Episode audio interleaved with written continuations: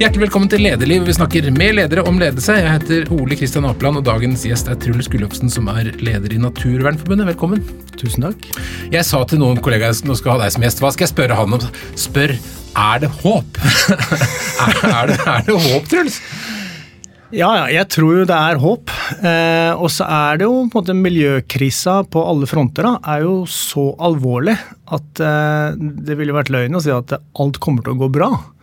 Men det vi miljøvernere kjemper for, er jo at det skal gå mye mindre dårlig enn det ellers ville gjort. Og det er jo sånn at hvis eh, verden og Norges ledere og politikere og andre hadde gjort som vi hadde sagt for eh, bare 30 eller 20 eller til og med 10 år siden, så hadde det vært lettere å redde både natur og klima nå enn det er nå for tiden. Nå har det vært mange temaer oppe i det siste, både uh, si avskoging, eller altså ødeleggelse av tap av natur i Norge. Vi har hørt om gruvedrift til sjøs og dumping av slam og oljeutvinning, og det er veldig mange ting. Hva, hva, hva er det verste? Stort spørsmål. Det, men, Nei, det hva brenner du mest for, eller dere mest for? Altså, man kan si at Det verste, det som måtte er mest provoserende akkurat nå i det siste, det har vært Eh, den saken om havbunnsmineraler. Eh, fordi at det, det er en sånn ehm, Det var så tydelige vitenskapelige råd, så tydelige råd fra norske fagmiljøer om at her var det stor usikkerhet og stor potensiell miljøskade. Så tydelige råd fra miljøforvaltningen. Miljødirektoratet aldri vært så tydelig om at ikke engang reglene som Stortinget selv har vedtatt om konsekvensutredning knytta til havbunnsmineraler og eventuell åpning, ikke engang det ble fulgt. Og likevel så presser Stortinget gjennom en åpning for forbundsmineraler. Stikk i strid med alle råd. Eh, og da blir man litt sånn oppgitt. På en sak med så liten oppside og så stor nedside, og så har man ikke engang da respekt for sine egne regler og sine egne fagetater. Hvordan skal vi da klare å vinne på de vanskelige sakene, som f.eks oljeleting og, og gruvedrift mm. og, og, miljøstandarder for skogbruket og, og kommunal, kommunal, nedbygging av natur. Hvor sånn minimal oppside var nok til å overkjøre miljøet. vet både du og jeg at det er noen som har gjort en veldig bra jobb på lobbysiden på, på andre sida. Altså, hvilke krefter er det som har fått dette til å skje? Nei, På den havbunnsmineralgreia så er det nesten, det er nesten enda mer mystisk. Da, for det er jo ingen store lobbykrefter egentlig som skulle ha noe interesse av å åpne for havbunnsmineraler eh, akkurat nå, akkurat her. Eh, men eh, ryktene går da om at det er på en måte enkeltpersoner som har vært veldig flinke da, til å få i gang oljelobbymaskinen.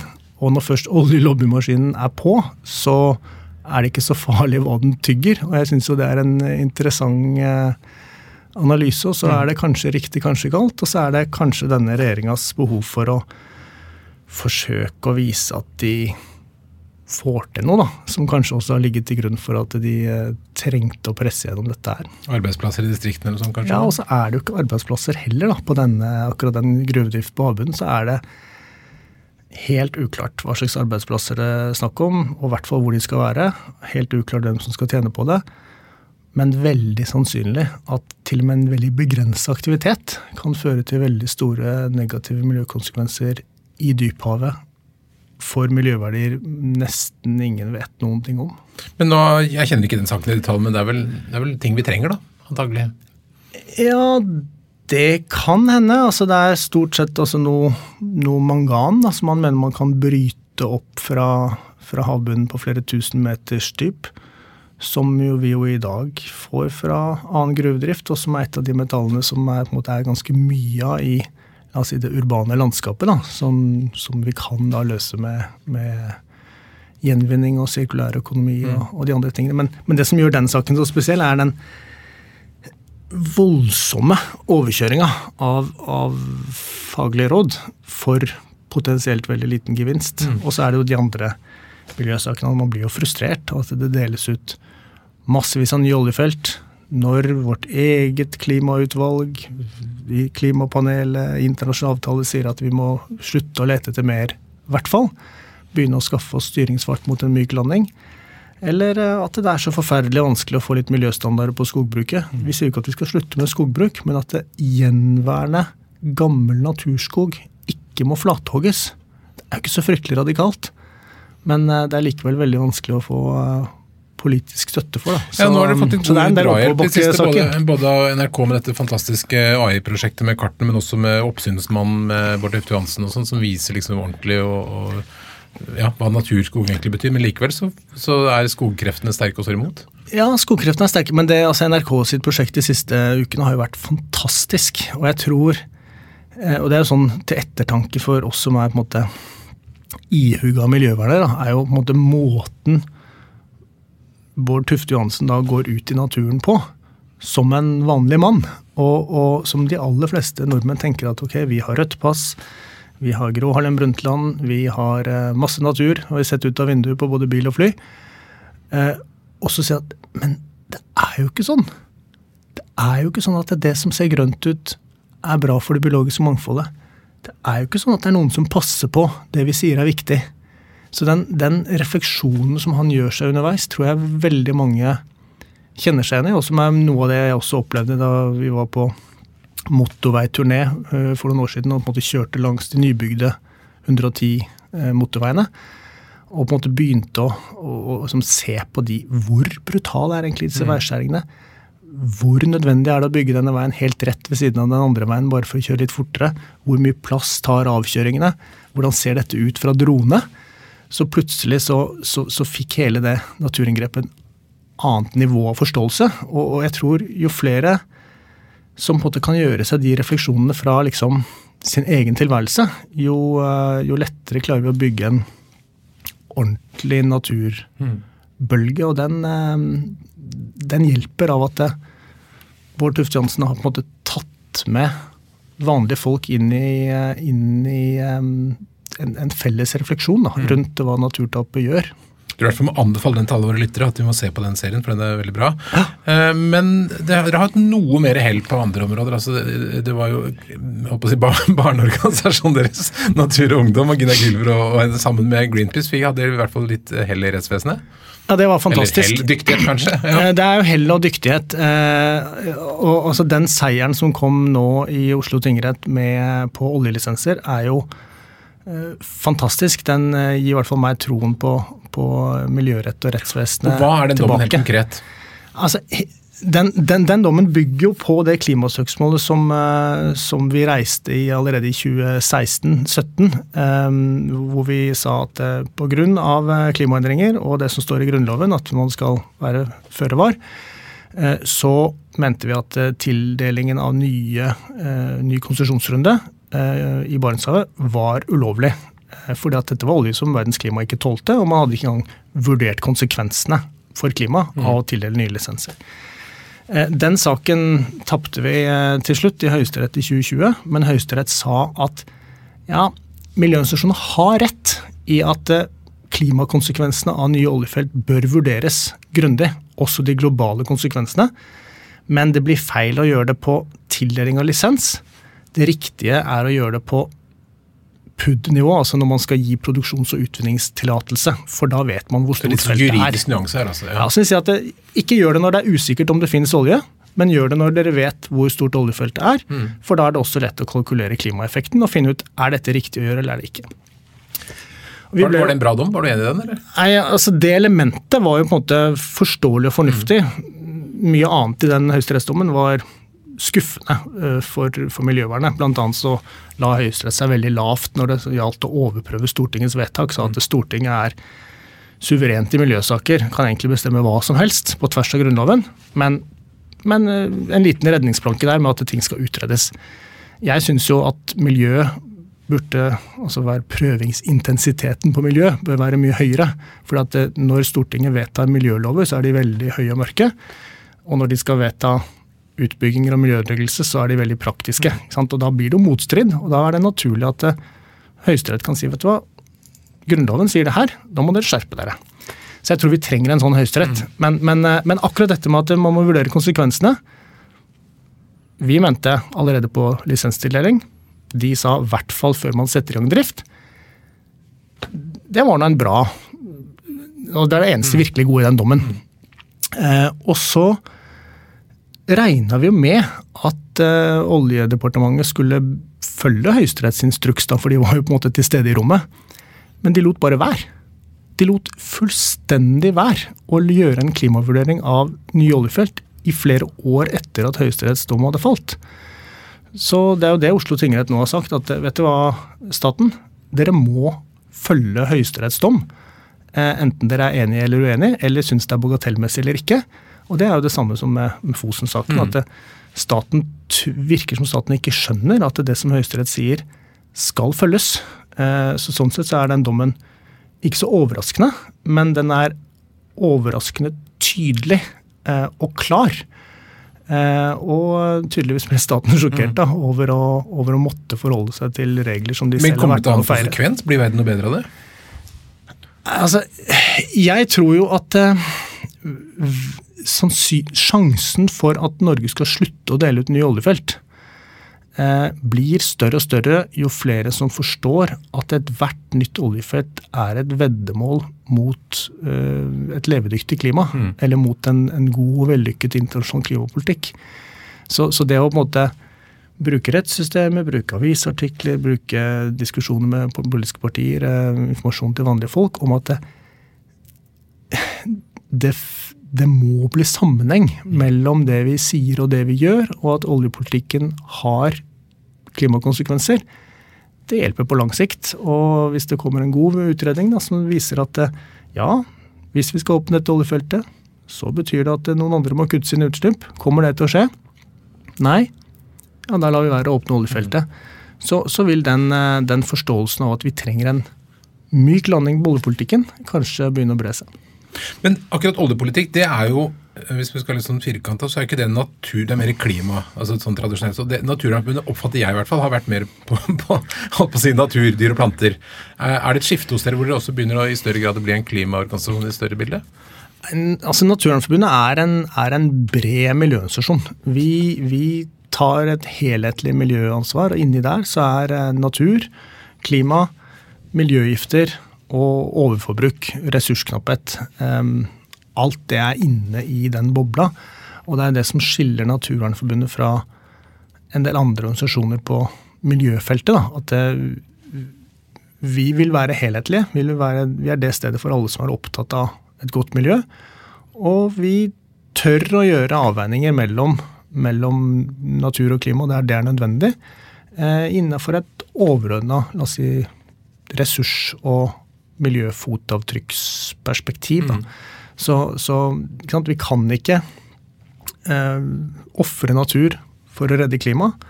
Vi kan heller ikke gjøre motsatt. Eh, og, og, jeg tror jo mye av løsningen på disse spørsmålene er å se flere miljøutfordringer samla. Eh, og der syns jeg jo dette en annen anbefaling. da, Klimautvalget i 2050. Mm. Den eh, NOU-en, ja. Offentlig utredning, ekspertutvalget som har jobba i, i, eh, i, to år eh, med liksom, hvordan skal Norge bli et lavutslippssamfunn innen 2050.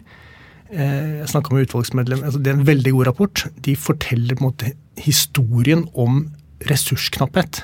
Fordi at da de så liksom, Først så begynte de å si ok, hvilke utslipp skal vi kutte først for å komme til null i 2050. Mm. Og så fant de ut at det går ikke. Vi må begynne i 2050. Hvilke utslipp skal være igjen i 2050? Og hvordan skal vi på en måte komme oss dit? Så, det var en veldig god tilnærming. Så fra en, fra en tilnærming til å være liksom utslippskutt, så ble det samfunnsomstilling. Og da fant de ut at i andre gamle klimascenarioer for Norge, så har man på en måte alle sektorer ønsket å bruke den samme krafta, de samme arealene, det samme arbeidskrafta, de samme ressursene mange ganger parallelt. Mm. Og det, det, går jo ikke opp. Så, så jeg syns jo den, den tilnærmingen er god. Den stemmer godt med på en måte Naturvernforbundets overordna tilnærming til miljø, som inneholder mange ulike elementer, og som best løses ved at vi alle sammen krymper fotavtrykket litt. Men sånn generelt så har jo nå alle liksom i hvert fall alle oppegående mennesker med på at vi har et klimaproblem, og at vi skal gjøre noe med det. og Man støtter målene, og det kommer eh, lover og forskrifter både på statlig nivå, på kommunalt nivå og i bransjer. Og det, men så er det den derre til praksis. da, altså Staten sier sånn og sånn, men gjør likevel det. Kommunen vil ha en, en grønn kommune, men vi avskoger likevel. Skogbransjen sier ja, vi skal være veldig bærekraftige, men vi tar urskogen likevel. altså, er, Hvordan skal vi klare å stoppe disse unntakene, og kanskje særlig når man har dårlig økonomi og er mer opptatt av lommeboken sin enn av klima? Ja, nei, Det er jo det store problemet. Eh, og så er det jo mange hos oss da, som blir måte, både oppgitt og sinte over, eh, over all eh, grønnvaskinga. ikke sant? Altså, ting som var for noen år siden var på en måte allment akseptert at var ja, nå, dette går utover miljøet. ikke sant? De samme aktivitetene de er nå en del av det grønne skiftet, så de må kjøre på uten motforestillinger. ikke sant? Og det er sånn, Men eh, hallo, det er de samme aktivitetene for å nøre opp under det samme overforbruket. Mm. Eh, og så må man finne ut om man skal bli sint på liksom de som er sleipe eh, og grønnvasker, eller om man skal bli, bli sint på hele prinsippet om grønt skifte. Eh, så, så um, Men det er noe som, som jeg syns NRK og Oppsynsmannen har vært veldig tydelig på. det er at det, det må være samsvar mellom hva vi lover på nasjonalt nivå, og hvilket handlingsrom vi som samfunn overlater til kommunalt selvstyre. Det nytter ikke å si at, at liksom, vi skal stoppe naturtapet i Norge innen 2030. Men det er kommunene som skal gjøre det, og de, ikke, de skal ikke ha noen krav eller noen verktøy eller noen virkemidler som de ikke allerede har. Altså, da kommer jo ikke det til å skje. Eh, og det var tilnærmingen til la oss si, AS Norge da vi hadde, gjorde samme avtale omtrent i 2010. Eh, evaluering i 2020 viser at eh, Norge ikke klarte å snu trenden på naturtap i det hele tatt. Eh, snarere det motsatte. Og kan du si at hytter og næringsparker er kanskje viktigste årsakene sammen med motorveier. Men, men, men, hvis vi skal klare å nå de målene, så, så må vi gjøre noe annerledes. Mm. og jeg tror jo ja, det må bli klarere statlige retningslinjer for hva kommunene kan få lov til å tillate av naturødeleggelse. særlig når det gjelder utvalgt og sårbar og verdifull natur. Eh, men det er bit for bit nedbygging mm, må vi ha noe verktøy mot. Vi har strandlov og strandsonebestemmelser. Det går an å utvide det til myr og fjellgrense og utvalgte naturtyper og elvedeltaer. At det ikke er opp til kommunen. Og som han skriver, eh, Bård Harstad i Aftenposten eh, i, i, i, dag om Costa Rica, så sier han jo liksom Costa Rica er verdens mest vellykka naturvern, skogvernland. Det er ikke kommunen i Costa Rica som avgjør om man skal hogge regnskogen eller ikke. Eh, det er staten, og staten sier nei. Mm. Og det er, det er ikke sånn at det er udemokratisk i eh, Costa Rica likevel, men de har klart å gjenoppbygge store deler av, av skogdekket et, i et helt avskoget land. Så du argumenterer for sterkere statlig styring, rett og slett? Sterkere statlig styring, og, og at de som har ansvar, de må også stå til ansvar for det. Mm. Så det er bit for bit ansvarsfraskrivelsesforvaltningen, den må bort. Og så tror jeg vi trenger en del andre grep eh, i tillegg. Sant? Det er jo ofte staten som er den verste naturtyven. Det er jo staten som bygger motorvei, eller vil bygge motorvei gjennom Lågendelta og gjennom myrer på Hordaland og i det hele tatt. Eh, så at staten er jo heller ikke noe, noe Men det er vel også sånn regjeringen blir valgt, på, å love nye veier og, Nei, det det, og nye arbeidsplasser og, og nye ditt og datt. Og Derfor så er det også dette, liksom, denne med folkeopplysningen, da, mm. som, som, NRK Bård Tufte Hansen nå gjør, og som vindkraftopprøret har bidratt til. at det, Plutselig så skjønner folk at det, sånn, beslutningene kommer nær oss. Det betyr noe for naturen eh, hvem som styrer. Eh, og um, vi prøvde å løfte det i årets kommunevalg òg. Altså fortelle liksom, hvis du bryr deg om natur, så er, det, så er faktisk stemmen i kommunevalget med dagens regelverk da, viktigere enn det nasjonale. Eh, vi fikk ikke helt gjennomslag for det. Kanskje oppsynsmannen kom litt for seint. Men, men, jeg håper jo folk forstår det, at det er alle lover eh, Alle politiske partier lover jo at alt skal bli grønt og fint, mm. men, men det er som igjen Bård Tufte Johansen sa, vi trenger faktisk flere politikere som tør å si nei. Og det, det gjelder kommunalt og nasjonalt. Men sånn underliggende så pirker vel dette også borti vår veldig høye levestandard. At hvis vi skal ha det så bra som vi har det, så må vi kanskje Eller så går det ikke helt opp. Må vi ofre litt levestandard for å være grønne? Eh, ja, ja, og nei, da. Um, altså uh, For eksempel uh, hyttebygging, da, som er en kjempestor naturtjuv i Norge. Der er det jo masse kommuner som tror at de er blitt eh, kjemperike fordi at de får masse hytteturister. Eh, men vi ser jo at de kommunene som har på en måte velfungerende turistindustri med hoteller og, og sånn, de gjør det jo mye bedre. Mm. De har jo, altså Varme senger er mye bedre betalt og gir mye mer lokal sysselsetting enn kalde hytter som bare skal ha brøyting og bygging. Sånn at det er noe, også noe med på en måte det verste er jo varmehytter som ikke er brukt. varmehytter som ikke er brukt er enda litt verre. Og det, det, er klart, så det der kalde varmesengen kan jo leses på forskjellige måter. Men, sånn, sånn, eh, mest sånne varmekabler i oppkjørselen og sånn? Ja. Varmekabler i oppkjørselen og alltid 20 grader på hytta og varmt badebasseng og sånn. Ja, ja. Sånn det, er jo sånne, også noen sånne Eh, men, men, men, det ene er den modellen, da, eh, hvilken modell man går for. Det er ikke opplagt at eh, måte, nedbygging av naturmodellen er den mest lønnsomme, verken på kort eller lang sikt.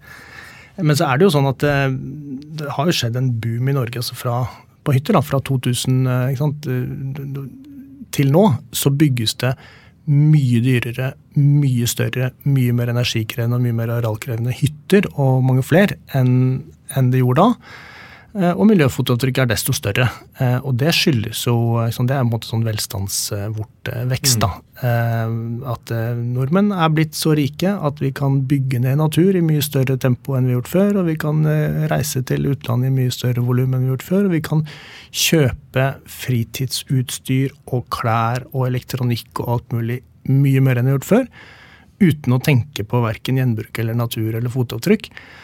Og det er jo en av grunnene til at Norge topper massevis av sånne miljøfotavtrykksskalaer. Og så kan man tenke sånn, ok, men hadde vi det så mye mer grusomt da, på, på 80-tallet? De fleste vil kanskje si at vi hadde ikke det. Eh, det var faktisk topp å være på ferie, det var topp å ha helg, og det var topp å være i Slalåmbakken og masse mm. ting. Til og med på 80-tallet, med et mye lavere forbruk av alt. Eh, og så ser vi at den eh, hvis man skal lage forskjellige scenarioer og modeller for hvordan vi skal måte, løse både klima- og naturkrisa, så er eh, altså personlig og offentlig forbruk må ned for å få plass til den aktiviteten vi ja, aktivitet innenfor et ansvarlig miljøfotavtrykk. Så overforbruk er på en måte kan si, roten til alt ondt, og så kommer dårlig styring på toppen, og da blir det dobbelt dårlig.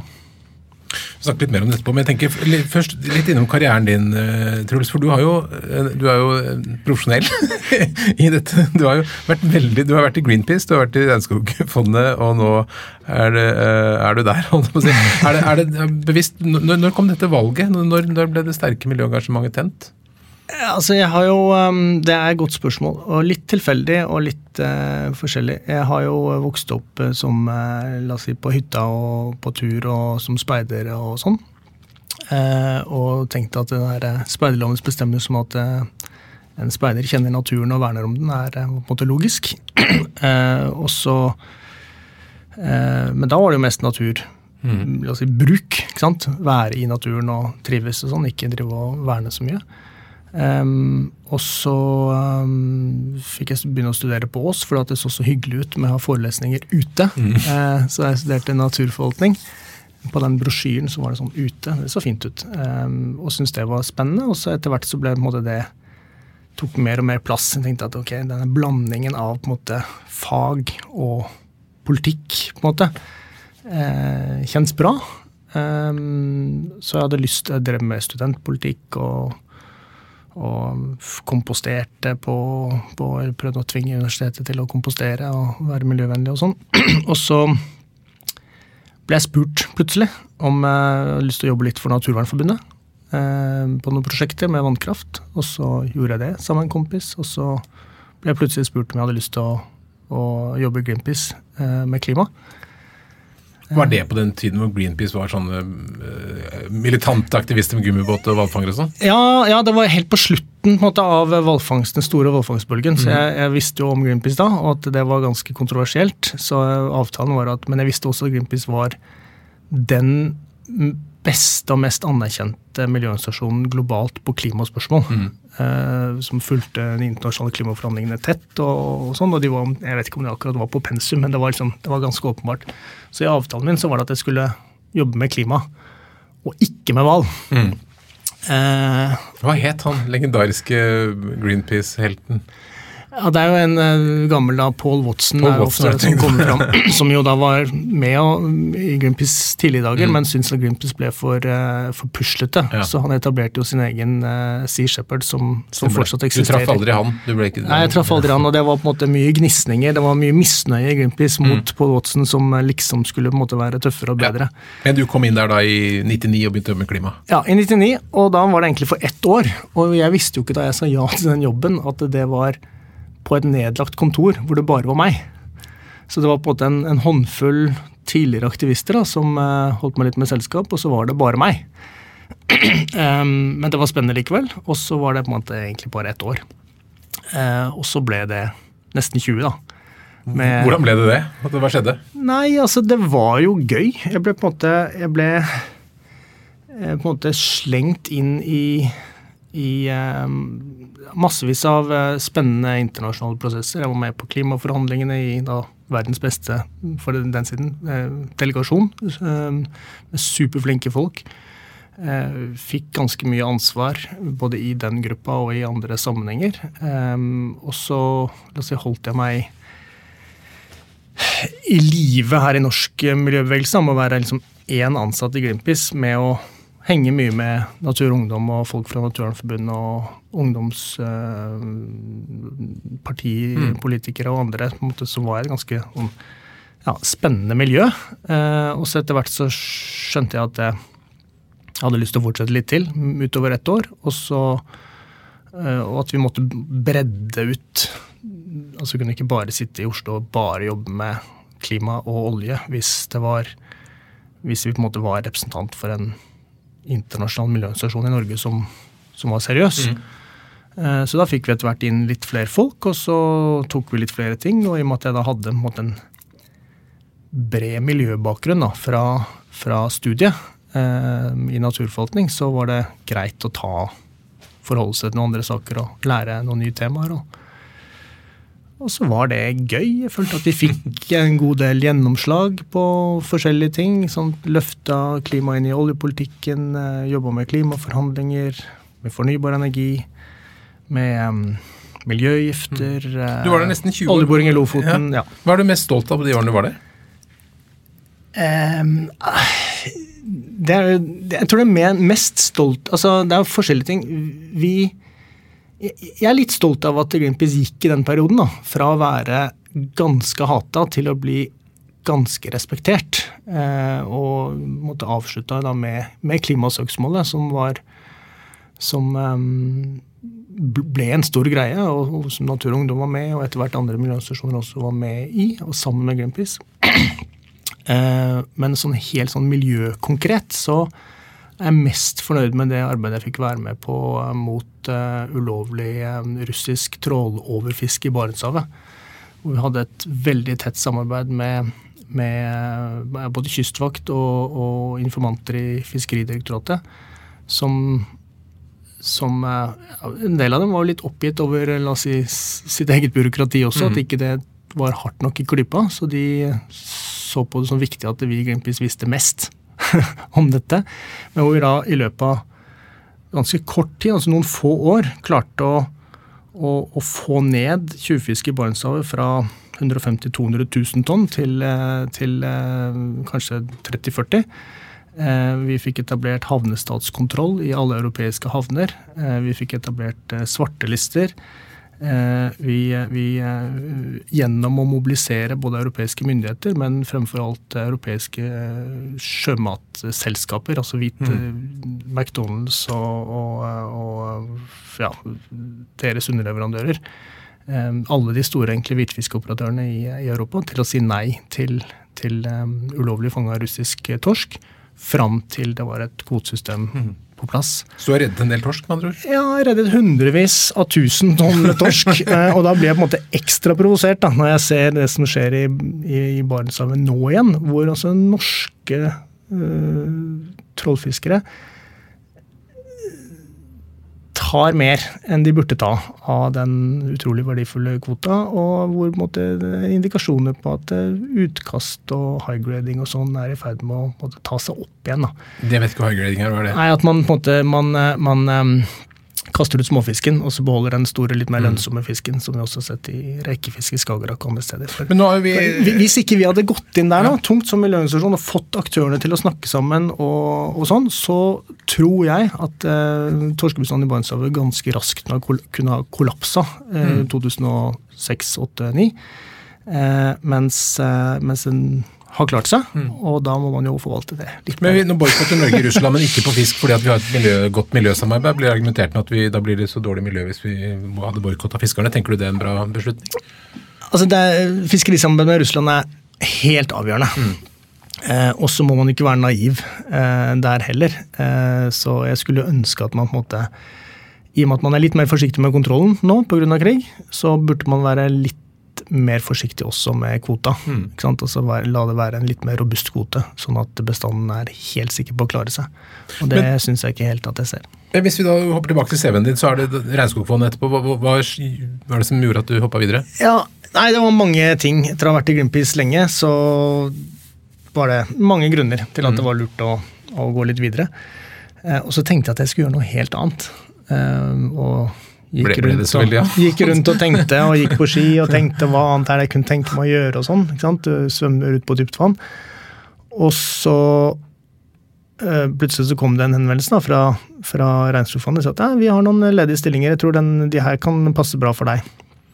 Og så, så var jeg både, både kanskje litt uh, usikker på meg selv, men også tenkte at yes, det er bra å gjøre noe jeg kan, og dette er jo, så prøvde jeg å fortelle meg selv at det var tilstrekkelig annerledes. Eh, og det var det jo på en måte, for da skulle jeg jobbe med, eh, med Brasil og, og la oss si Bolsonaro-problemet, da. Eh, men eh, det var jo ikke veldig annerledes. Eh, Det går en ganske sånn klar rød tråd i alt du har gjort, syns jeg. ja, så, så det er vel noe med at man kanskje liksom prøver å tenke at eh, Altså, jeg, jeg, jeg, må, jeg må føle at det jeg gjør, er viktig. Og så har jeg vært så utrolig, hatt så utrolig flaks gjennom hele livet da, at jeg har klart å skaffe meg uh, roller hvor, hvor det har kjent det sånn. Um, og det er kjempespennende, og Regnskogfondet er supert, og supre partnere i både, både Brasil og, og Peru og Indonesia og mange andre steder. Eh, Men da det kom liksom da en henvendelse fra Naturvernforbundets valgkomité som du, du har jo ikke sluppet tak i miljøbevegelsen eh, likevel, eh, hadde ikke vært ålreit å komme hjem, eh, så var det også veldig spennende. Men, så den ideen om å finne på noe helt annet, den, eh, den eh, Det gikk ikke så bra. den gikk, ikke, den gikk på ingen måte bra, men, eh, men jeg har det veldig bra. Men så ble du valgt da som leder, og nå er du sånn, holdt på å si, heltids ansatt, eller nei, valgt, men heltidsarbeidende leder i Naturforbundet siden 2021. Eh, Men den erfaringen du da har opparbeidet deg, da- da vet du en del om hva som funker. da, så Hva er oppskriften på å klare å gjøre forandringer? Er det som du var inne på med å jobbe med store lover og internasjonale konferanser og sånn, er det det som er nøkkelen? Um, nei, altså um, uh, Jeg tror jo at det er liksom ja, Det kommer litt an på problemet man vil løse. Så når det gjelder liksom både klima og naturmangfold, så er det veldig bra at det finnes internasjonale konferanser, det finnes eh, arenaer hvor på en måte politikere og ulike land må på en måte sette seg litt i stevne og kan konkurrere litt om å være best, eller i hvert fall ikke dårligst, eh, og komme med noen høynivåløfter. Omtrent som vi har gjort her hjemme med vår egen grunnlov og miljøparagrafen, at det er noen høynivåløfter. Og så må det trykk da, for å få det til å bli virkelighet. Eh, og der tror jeg på klimaområdet så er på en måte den eh, forskjellen mellom Kyoto-protokollen, som på en måte var veldig ovenfra og ned, og Parisavtalen, som er basert på samme ovenfra og ned eh, virkelighetsbeskrivelse, men hvor forpliktelsene er på en måte nedenfra og opp. Jeg tror det faktisk er en mye bedre modell, og, og eh, eh, hvor man på en måte ja, eh, anerkjenner at man ikke har noe noe tommeskru å sette på land som ikke følger opp, men, men forsøke å flytte ansvaret inn i landet. Eh, det er bra. Eh, og det er jo her vi er nå, da. Eh? Og så er jo så litt avhengig av hva man ønsker og hvilke problemer man ønsker å løse, så må man bruke forskjellige tilnærminger.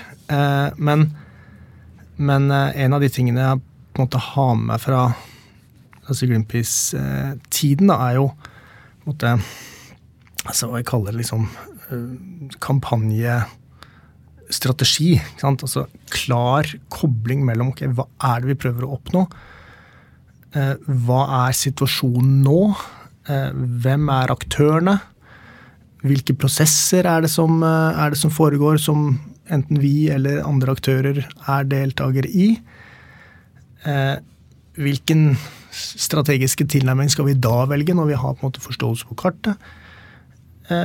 Og hvilke aktiviteter? Er det en rapport? Er det en protest? Er det mm, innsending av brev? Er det hva som helst, liksom? Og hva skal vi si? Den, og når. Liksom det å på en måte ha en viss idé om hvordan man har tenkt å løse problemet, gjør også at det kanskje noen noen elefanter er så store at man skal la være å prøve å spise dem. Eh, noen sier man bare fra om fordi at man må si fra, men man har ikke noe ambisjon om å løse det. Og noen skal man faktisk løse. Mm. Uh, og det Den, la oss si, skrittvise tilnærmingen, da, den, uh, den er en del av DNA-et i uh, Greenpeace-tradisjonen. I hvert fall sånn som jeg ble kjent med den. Og er noe jeg opplever kan brukes veldig mange andre steder også.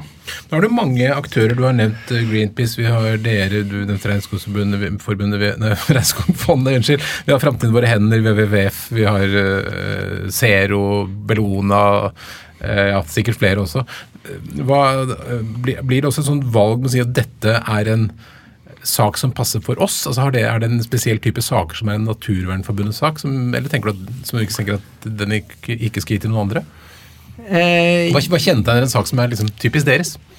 Altså Naturvernforbundets store styrke da, er jo på, en måte, på det ene at vi, vi, er, vi er brede, vi tar alle miljøsaker. Så vi forplikter oss til å, å se saken fra, fra, alle sider. Da. Sånn, vi tar ikke bare klimaballen og løper med den. Mm. Eh og så er den andre store styrken at vi er jo demokratisk medlemsbasert og har eh, over 100 lokallag over hele landet. Så vi er til stede i nærheten av nesten alle beslutninger da, mm. som har med, har med, natur og miljø å gjøre. Eh, og har også mulighet til å fange opp eh, trender og frustrasjon og eksempler fra, fra veldig mange steder. Eh, og la oss si angripe eh, aktører fra, fra, veldig mange mm. områder samtidig. Eh, så mens da de fleste andre miljøorganisasjoner er på en måte mer eller mindre eh, Oslo-basert, så er Naturvernforbundet over hele landet. Hvilke styrker gir det? Det gjør at vi kan snakke med en annen tyngde og legitimitet. Eh, I hvert fall på det som har med det kommunale eh, å gjøre. Å se effektene av måte, uh, manglende uh, regelverk, manglende statlige rammer. Så på disse arealnedbygging er en veldig, veldig 60-70% av Naturvernforbundets arbeid rundt omkring i landet handler om ulike nasjonale, nei, lokale og statlige mm. arealsaker. Enten det er hytter eller eh, vindkraft eller eh, veibygging eller hva som helst. Og nå regner jeg med at uh, interessen for medlemmer medlem er større enn på lenge? Ja, altså Den er jo faktisk det. ikke sant? Man kan jo regne med det pga. fantastiske NRK-seriene og mange miljøsaker eh, i det siste. Og så har vi jo sett en jeg vil si, voldsom tilstrømning uh, i det siste. den uka eh, altså dommen i fjordsøksmålet kom, og vi ble veldig skuffa, så fikk vi eh, på det meste 500 nye medlemmer per dag. Wow. Eh, og det var jo helt voldsomt. Aldri, aldri tidligere aldri tidligere skjedd. Og så ønsker jeg at hvor flinke var vi til å forvalte det, liksom. Eh, sånn at det, det, det var bare, det bare én dag som hadde 500. Ja, men, men, eh, men, men, i januar, da, som mm. vi fortsatt er inne i, så har vi fått uh, over 2000 nye medlemmer. Uh, og det er jo fantastisk. Det er helt, helt uvanlig. Og jeg tenker det er en kombinasjon av at eh, mange skjønner at det er mye som går dårlig på miljøfronten, men også, også um, skjønner at eh, Naturvernforbundet er, er en viktig aktør mm. i å beskytte det som er igjen. Hvem er det typiske medlem? Hvis jeg spør medlemsdatabasen, så er det på en måte voksne folk på, på eh, østlandsområdet, sånn som deg og meg. Mm. Eh, kanskje litt flere kvinner blant medlem. Um, og så er det plass til alle. Er de, er de fleste liksom aktive med å stille på møter, og sånn, eller betaler man kontingent og, støtter? Er det store flertallet betaler kontingent og støtter, Mm. Uh, men så har vi jo uh, var det 970 tillitsvalgte på tillitsvalgsepostlista. Mm. Uh, så det er jo på en måte fungerende lokallag i eh, ja, over 100 steder. og, men man kan jo altså de aller Folk flest, medlemmer flest, er bare medlem og fornøyd med det. Og jeg håper, da, stolt av det medlemskapet. Så til din liksom lederstil og lederfrisyr. Jeg vet at du har befalsskolen, men jeg vil gjette på at kanskje det var speideren som var starten på lederarbeid? eller? Ja, det var det. Uh, det er flere som har det. Flere som har gjort det, var det jeg tenkte. Ja, ja nei, eh, og det var jo ikke noe voldsom ledelse vi drev med i Speideren Ja, heller. men du var men, sikkert patruljefører på et tidspunkt. men jeg var patruljefører, og vi fikk jo Jeg var i en speidertropp som hadde en veldig, veldig stor Som ga veldig stor tillit da, til eh, oss ungdommer for å på en måte legge opp vårt eget løp. Eh, Så Um, og Vi hadde jo hytter, og vi hadde teltturer, og vi hadde anbefalte terminlister, og vi hadde forskjellige ting. Og så var det det var ikke noen voksne med. Eh, og de som var voksne som av og til var med, de var sånn 1920. Eh, og vi syns jo de var helt eh, fantastisk erfarne og smarte. Utgamle folk. Og utgamle, og liksom hvis de var 23, så var det bare sånn Hvorfor er de her? Eh, så det, var, det var fantastisk, men det var mest det på en måte å ja, få ansvar og muligheter som, som var på en måte ledergreia der. Og så var det jo så Kombinasjonen av liksom patruljefører og storebror eh, føles som liksom um, Har du godt, hvis du får befalsskolen på toppen og litt sånn, så så ligger du, er du godt rusta. Men, men hvis du vil beskrive deg selv i dag, hvordan, hva slags leder er du? Hvordan prøver du å være som leder? Altså, eh, Apropos befalsskolen, så har jeg på en måte ett prinsipp fra befalsskolen som jeg fortsatt bruker da, i eh, Ikke egentlig i ledelse, men jeg, altså, jeg, jeg prøver å være eh, en inspirerende leder. da. Eh, og jeg tror det går begge veier. At jeg lar meg veldig lett inspirere av, eh, av andre, og så håper jeg at jeg kan spre den inspirasjonen til andre. Men da er det jo i, eh, i på befalsskolen så lærte vi om huskeordet for angrep. Og det er hoke. Og Man liksom tenke at det er på knoke. Ja. Men det er handlefrihet, overraskelse, kraftsamling og enkelhet. Og jeg liker det godt som prinsipp egentlig for nesten alt. ikke sant? Det, det fungerer godt i, liksom, Hvis du lager en kampanjestrategi, så bør den måtte være åpen for at det skjer, det skjer ting du ikke har tenkt på. Og så må du være veldig fokusert på hvor du skal. Og så, hvis det er en, et eller annet sted det på en måte blir en åpning, ikke sant? så er det lurt å kraftsamle der istedenfor å holde på med det du egentlig hadde planlagt. Ikke sant? Og det, det, det gjelder, For meg så gjelder det som et sånn høyt prinsipp for hva vi holder på med. Vi har altfor store oppgaver. Vi må være smarte, men vi må ikke være så smarte at vi glemmer å bruke mulighetene når de kommer. Og, og la oss si, Sånn organisasjon vil jeg helst ha. Eh, sånn vil jeg at måte, sekretariatet i Oslo skal tenke, og sånn vil jeg at miljøvernere over hele landet skal tenke. at det, Slipp de sakene som på en måte aldri får noe framgang, hvis vi får en mulighet til å vinne litt. Og det, for å vinne, det må vi gjøre. Og hvor, hvis Vi da er på, vi er, eller vi er på begynnelsen av året, vi går i et nytt år, masse, masse problemer eh, og masse ressurser. da, Nye medlemmer. Hvor, hvor skal vi liksom sette inn angrepet i år? Hva er dine ambisjoner? Nei, um, da blir det litt sånn uh, Ja, det er masse steder. Ja, det er det som, blir. Er det som Nei, så, så vi, vi, vi, vi, løfter en del ting, og så ser vi at nå, er det, nå er det en kjempemulighet på dette her med, med, med natur. ikke sant? Eh, Den gavepakken som NRK har gitt naturvernet med Bård Tufte Johansen og Oppsynsmannen, den må vi bruke. ikke sant? Så vi må bruke det for å få flere medlemmer. Vi må bruke det for å få søkelys på det kommunale selvstyret. Hvor viktig det er, hvor, hvor, hvordan naturen faktisk vernes og tapes i kommuner. Eh, så det gjør vi så godt vi kan med å på en måte løfte eksempler og utfordre kommuner på f.eks. sånn som Stavanger har gjort nå. da. Eh, Høyre-politikere i Stavanger har sagt Oppsynsmannen sier at det er 44 000 steder som er bygd ned. Hvilke steder i Stavanger dreier det seg om? Det vil vi ha en oversikt over. Kjempebra. Og så neste skritt håper jeg da blir at Stavanger sier at oi, her har vi bygd ned altfor mye. Ehm, vi må se på kommuneplanen på nytt og gjennomføre en planvask. Og det kan de gjøre. Altså ta ut områder som de har tenkt å bygge ned, som de likevel ikke vil bygge ned. Det kan alle kommuner gjøre. Og det er liksom det, er det bør være det umiddelbare svaret på både utfordringer fra internasjonale avtaler, men også de problemene som NRK viser. Eh, og så er det jo tilsvarende i det løpet her, er jo, det kommer en stortingsmelding om natur. Oppfølging av naturavtalen i løpet av dette året her. Eh, det er jo på en måte nasjonalpolitikernes mulighet til å, til å ta den samme konsekvensen. Og med det trykket vi nå har, med problemene i skogbruket, nedbygging, planvask, alle de tingene, så er jo burde rommet for å få til litt større endringer, litt større grep, retningsendring, være mye større. Så der må vi ha fullt trykk. Men Men det, Hvis du skulle velge det, hvis du fikk sånn, sånn uh, frikort på Stortinget til én lovendring, hvilken skulle det vært? Um, det er en lovendring. Eh, på natur, da? eller? Ja, jeg vil tippe du ville brukt det på natur. Det ville vært rart hvis du skulle brukt den på alkoholavgifter nå.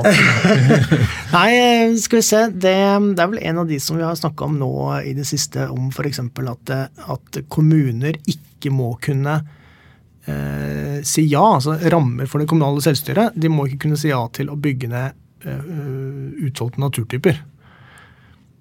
Ikke sant? Altså, sånn som strandloven, mm. den gjelder. Vi har tilsvarende nå kanskje kommer med myr. Det, også, det, er naturlig at det også gjelder andre viktige Og, urskog. Og urskog, ja. for eksempel, urskog, ikke? Mm. urskog er utvalgt naturtype, men har ikke noe spesielt vern. Mm. Ikke sant? Så Kommunen kan bare bestemme at her skal vi bygge. Eller her skal vi tillate ja, Det er ikke engang søknadsplikt på hogst. ikke sant? Så, så, så, det er på en måte At det skal bli en egen prosess for å få lov til å ødelegge de naturtypene som vi allerede er enige om som samfunn, og har vært enige om i ti år, at er særlig viktig, så er det likevel ikke noe spesiell prosess som kan beskytte dem mot enten flatehogst eller nedbygging. Så jeg tror det hadde vært ganske høyt. Mm. Så er det nok et par andre ting vi også skulle hatt. F.eks.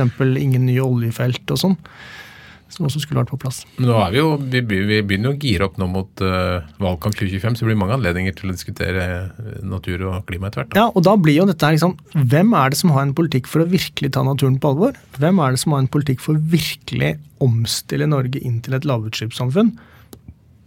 I tråd med den fantastiske utredningen fra Klimautvalget 2050.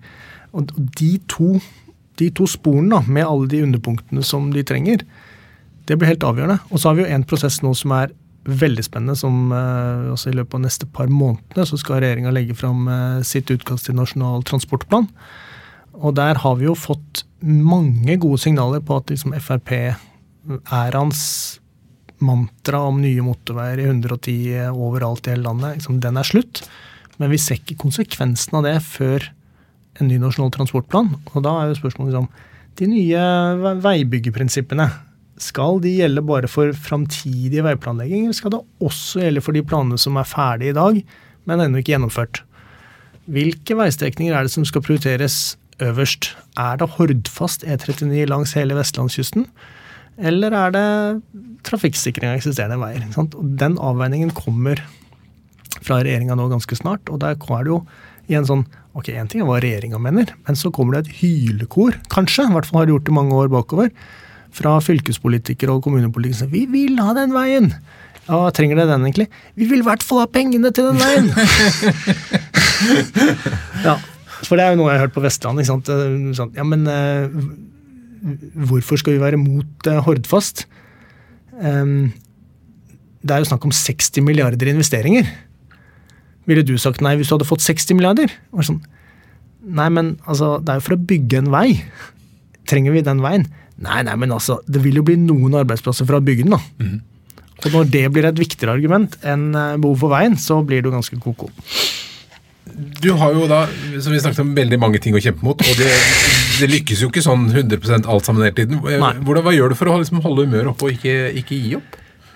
Eh, Hvor henter du energien fra? Altså Av og til så må jeg jo gå litt på ski eller eh, bade i en eh, kulp eller et eller annet sånt. Um, og så altså For min egen del så tenker jeg at jeg er jo så heldig som får lov å jobbe, eller få betalt, da. Uh, for å være på den riktige sida og for å kjempe den viktige kampen. Så det er på en måte stor motivasjon i seg selv, at jeg er så privilegert at jeg har dette som jobb. Eh, og så er det så mye motiverende folk som på en måte heller aldri gir opp.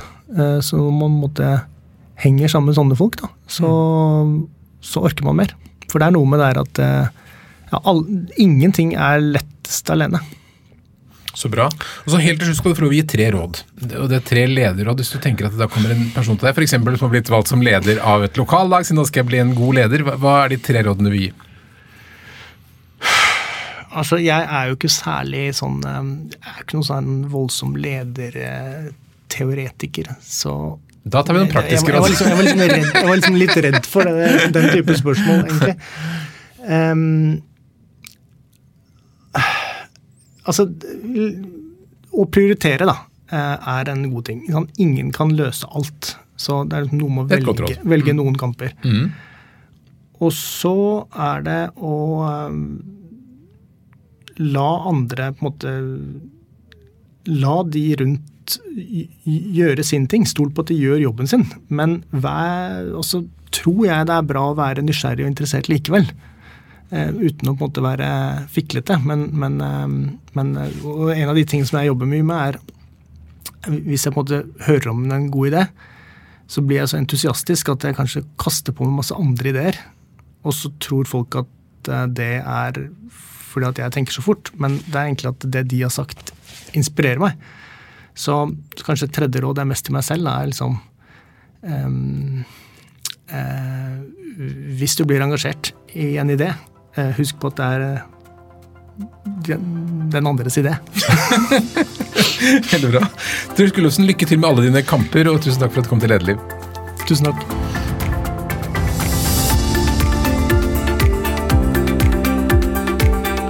Lederliv er en podkast fra Apeland. Redaksjonen består av Ingrid Hogneland, Johanna Eidsvoll, Lars Jarle Melum og meg som heter Ole Kristian Apeland. Og du er hjertelig velkommen til å sende ros, ris, tips om ledere eller hva du måtte ønske til oleatapeland.no. Takk for at du lytter.